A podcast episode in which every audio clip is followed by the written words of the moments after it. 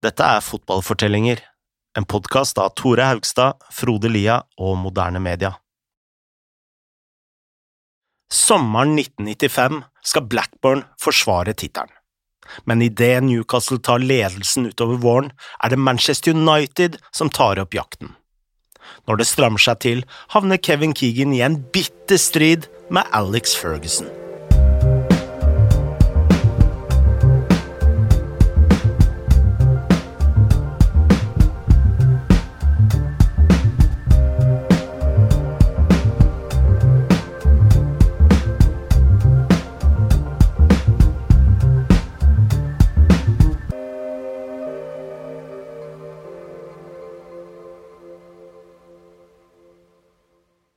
Før sesongen henta Keegan nye forsterkninger. Les Ferdinand kom fra Queens Park Rangers som erstatteren til Andy Cole, mens Shaka Hislop ble henta fra Reading og David Ginola fløy inn fra Paris. Da den franske venstrevingen dukka opp, ble han spurt om hvorfor han hadde valgt Newcastle, når han kunne dratt til mange andre storlag. Da sa Ginola jeg er her for å vinne tittelen. Men Ginola fikk seg noen kulturelle overraskelser. For det første fikk han sjokk da han skulle ta seg en dusj etter trening, og fant ut at han måtte stå side om side med studenter fra Durham University. For det andre hadde han en litt annen stil enn de andre spillerne i Newcastle. Han kom dit på første dag i en hvit linskjorte, solbriller, dyr fransk parfyme og den øverste knappen oppe. Warren Barton så Ginola og sa bare «Fucking hell, who is that?» Ginola svarte med fransk aksent How are you? Nice to meet you. Dessverre for ham kunne han bare drømme om å bli kalt etter navnet sitt. Gang etter gang insisterte han på at han het David, men dette var Newcastle, og samme hva han sa, ble Ginola simpelthen kalt Dave. Da Newcastle banka Coventry 3-0 i første kamp, var det klart at de hadde et godt lag på gang.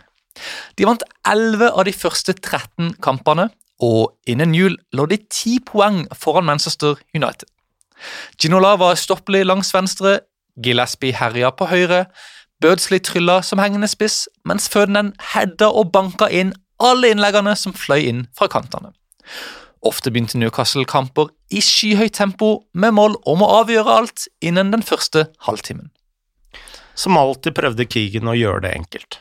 De jobba minimalt med lagstruktur på trening, og fokuserte heller på angrepsspill og skudd. Da han ble spurt om sin store hemmelighet, sa Keegan, jeg kjøper gode spillere og lar dem spille. Før hver kamp avslutta han talen sin med å si, bare skår ett mål mer enn dem. Da de møtte Wimbledon, så var det ikke snakk om å analysere motstanderens svakheter.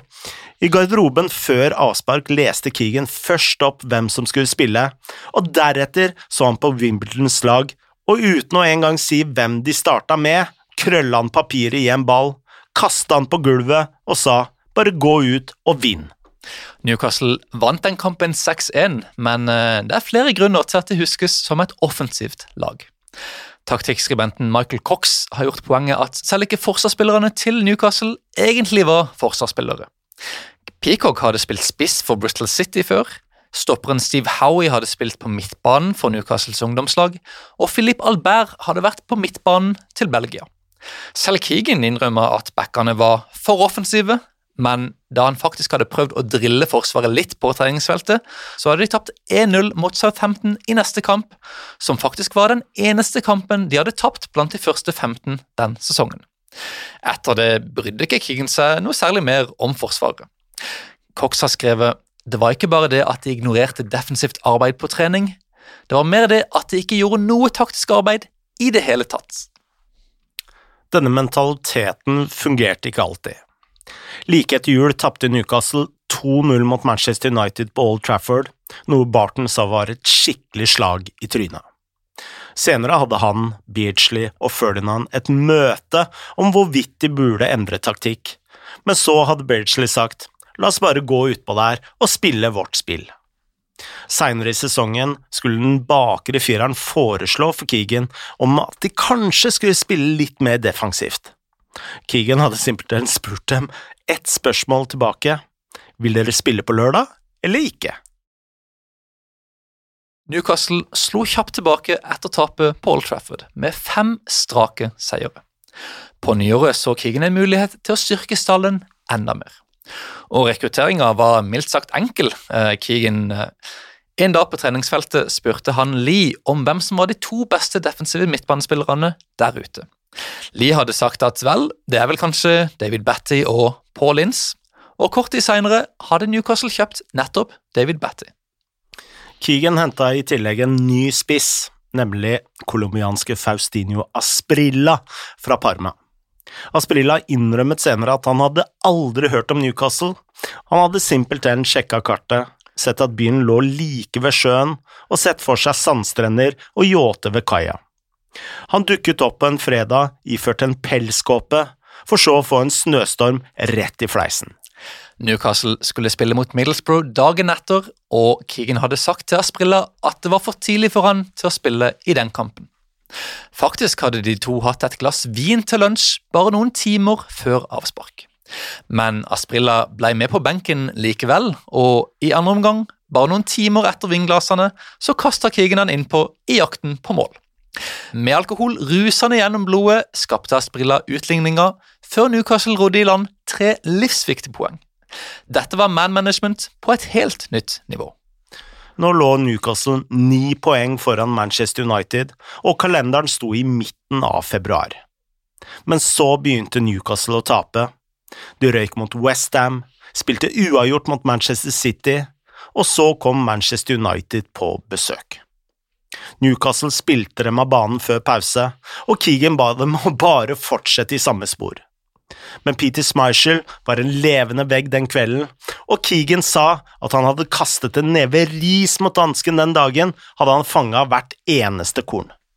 Til den kampen hadde Erik Cantona nettopp vendt tilbake fra suspensjonen han fikk mot Crystal Palace, og i andre omgang, mot spillets gang, skjedde det som ikke skulle skje. Dette er kommenteringa fra Sky Sports. Phil Neville four in the middle for Manchester United. Giggs behind him. Cole collects. Still Andy Cole. And it comes for Cantona! Manchester United have struck. Six minutes into the second half. Nå sto United med seks strake seire, mens Newcastle hadde tre uten seier. Det var en skummel utvikling for Keegan, og selv om de vant den neste mot Westham, tapte de så 2-0 mot Arsenal, og så skulle de til Anfield. Den kampen blir fortsatt huska som en av de beste i Premier Leagues historie, om ikke den beste. Robbie Fowler skåra tidlig, før den utligna. Gino La skåra 2-1, før Fowler skåra sitt andre. På 2-2 så skåra så Asprilla, men så utligna Collymore til 3-3, og på overtid kom det siste målet. Dette er kommenteringa fra Setanta Sports. Can they snatch it here? Right up the dirt. Scales. Away from Ferdinand. Scales again. For John Barnes. Now Ian Rush. Barnes again. Rush! Just wouldn't sit up for him. But here is Collymore! Liverpool have won it! An amazing finish! And Keegan just cannot take it in. Idet Collymore skårer her, så viser TV-kameraene Keegan som omtrent faller sammen i skuffelse bak reklameskiltene. Det var nok en smell i kampen om tittelen, og det hjalp ikke at Manchester United nå vant uke etter uke. Nå følte Keegan at han kjempa mot mer enn bare Manchester United. Han mente at journalister prøvde å grave opp sladder på spillerne, og at pressen var redd for Ferguson. Han følte også at Fergie fikk herse med dommerne som han ville, uten å få straff. Og så gjorde Ferguson noe som Keegan mente gikk langt over streken. I den tredje siste kampen i ligaen slo Manchester United Leeds 1-0 hjemme. De måtte slåss beinhardt for de poengene, og etterpå gikk Ferguson ut i pressen og sa at Leeds kun prøvde å spille bra mot hans lag. Dette var det Ferguson sa. De heva seg fordi de spilte mot Manchester United. Det var patetisk. Vi kan godta at lag kommer hit og gir sitt beste, så lenge de gjør det hver uke. Men det er ikke rart at trenere her får sparken. Basert på den prestasjonen bør de være innenfor topp seks. Det er de ikke, de sliter, så de har bedratt sin egen trener. Ferguson sa senere at han hadde sagt dette for å støtte Leeds-treneren Howard Wilkinson, som var en god venn. Men Leeds skulle nå møte Newcastle, og det virka som om Ferguson spådde at de kom til å gi dem en enkeltkamp. I tillegg retta Ferguson skyts mot Nottingham Forest. Han minnet alle om at Forest skulle møte Newcastle i ligaen, og deretter i en avskjedskamp for å hedre Stuart Pearce. Ville Forrest virkelig ta ligakampen seriøst om de skulle møtes til en slik anledning etterpå? Keegan sa ikke noe om disse utspillene i starten, men da Newcastle hadde klart å slå Leeds, gikk han på lagbussen og fortalte Dermot du, du må se det intervjuet jeg nettopp ga. Like etter kampen hadde Keegan nemlig stilt seg foran TV-kameraet til Sky og prata på direkten med Richard Keys og Andy Gray i studio. Med adrenalin og sinne brusende gjennom kroppen hadde Keegan heva stemmen, sikta en finger mot kameraet og sagt rett ut hva han mente om Fergusons utspill. Dette er intervjuet med Sky Sports. When you do that with footballers, like he said about Leeds, and when you do things like that about a man like Stuart Pearce, I'm, I- I've kept really quiet, but I'll tell you something. He went down in my estimation when he said that. We have not resorted to that, but I'll tell you, you can tell him now, be watching it. We're still fighting for this title, and he's got to go to Middlesbrough and get something. And, and I'll tell you, honestly, I will love it if we beat them. Love it. Dette ble et av de mest berømte utbruddene Premier League har sett. Ferguson så det hjemme på TV-en og kunne ikke tro sine egne øyne. Keegan sa senere at han ikke innså hvor sint han faktisk hadde vært, og at han måtte heve stemmen fordi han hadde et gigantisk headset på hodet slik at han kunne høre studio. Han sa også at spillerne bare syntes det var morsomt, men intervjuet har senere blitt fremstilt som bevis på at Keegan mista nervene i tittelkampen. Samtidig ble dette ansett som et mesterlig utspill fra Ferguson, selv om han egentlig ikke mente det sånn. Så klart spilte Forrest bra mot Newcastle og klarte 1-1, og til slutt vant Manchester United-tittelen fire poeng foran Newcastle. Keegan sa senere at han fortsatt hadde mareritt om hele innspurten. Denne tittelkampen har skapt mange myter siden. En er at Newcastle kollapsa, og det er jo i stor grad sant. En annen er at eh, kjøpene av Batty og Asprilla ødela balansen i laget. Og en tredje var at det var kampen mot Liverpool som kosta laget tittelen. Vi spurte Ian Møtag om hva som egentlig skjedde. people always say that Liverpool game was the game where Newcastle lost the title, and of course there is that famous image of Kevin Keegan slumped over the advertising hoardings when he's sitting in the dugout. But I think there was a game earlier that season they lost 2-0 at Arsenal and David Ginola had been he'd been bullied that game effectively uh, fair means and foul. He was never the same player. I think it, in the closing months of the season his form slumped. I think Ferdinand's form slumped a little bit. I think Beardsley's form slumped. Les Ferdinand himself will say that. Keegan typical Keegan when Newcastle were top of the league he'd gone out and bought Tino Sprilla and David Batty. And there was a, people thought Tino Sprilla, despite being this hugely gifted striker, he upset the rhythm of the team. I would go uh, on the Batty signing. Batty, again, a very, very good player, but he effectively replaced Lee Clark. And I thought Lee Clark's absence in those closing weeks proved crucial. I keep in touch with Lee, and I've spoken to him about that. I did a piece with him couple of years ago, and I said, did, did you feel that by you being left out was the reason? He said, Well, I did actually. He said, and I think the stats prove that me leaving the team was the reason Newcastle didn't win the title. And I think you can make an argument for that because while Batty was a superb tackler, he was he read a game well. He wasn't quite as, as dynamic as Lee Clark. I think they lost a little bit of mobility in midfield when, when Batty came in for Clark. Men den aller største myten er at Newcastle slapp inn for mange mål, at de var uorganiserte, og at de ikke kunne forsvare seg.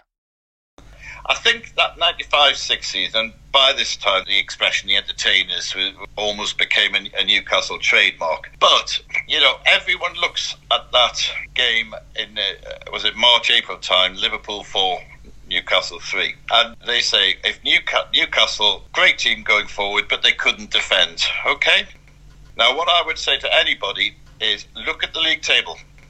Look at the league table, the final league table, which had Manchester United first, Newcastle second, Liverpool third. But don't just look at the, the points. Don't just look at the win, lose, draw column. Look at the goals for, look at the goals against. Newcastle actually scored less goals that season than both Manchester United and Liverpool. And their defensive record was virtually the same. So there have been a, a, lot of lazy myths. Yes, Kevin Keegan loved to attack. Yes, they played on the front foot all the time and were always looking not to close out games but to finish off opponents. Uh, but the, the, the, the bare stats will tell you that Newcastle's attack wasn't quite as good as possibly history tells us, and, and the defense certainly wasn't as bad. Ian har helt rett i dette. Newcastle skåra færre mål enn både Liverpool og Manchester United, og de slapp bare inn to mer enn United og tre mer enn Liverpool. Om man ser på de åtte kampene de tapte, så gikk de faktisk målløse av banen i seks av disse. Det var 0-1 og 0-2-kamper som virkelig hadde kosta de tittelen. Kollapsen var en enorm smell for Keegans entusiasme men på sommeren gikk han på med nytt mot, i stor grad fordi Newcastle hadde gjort et kupp.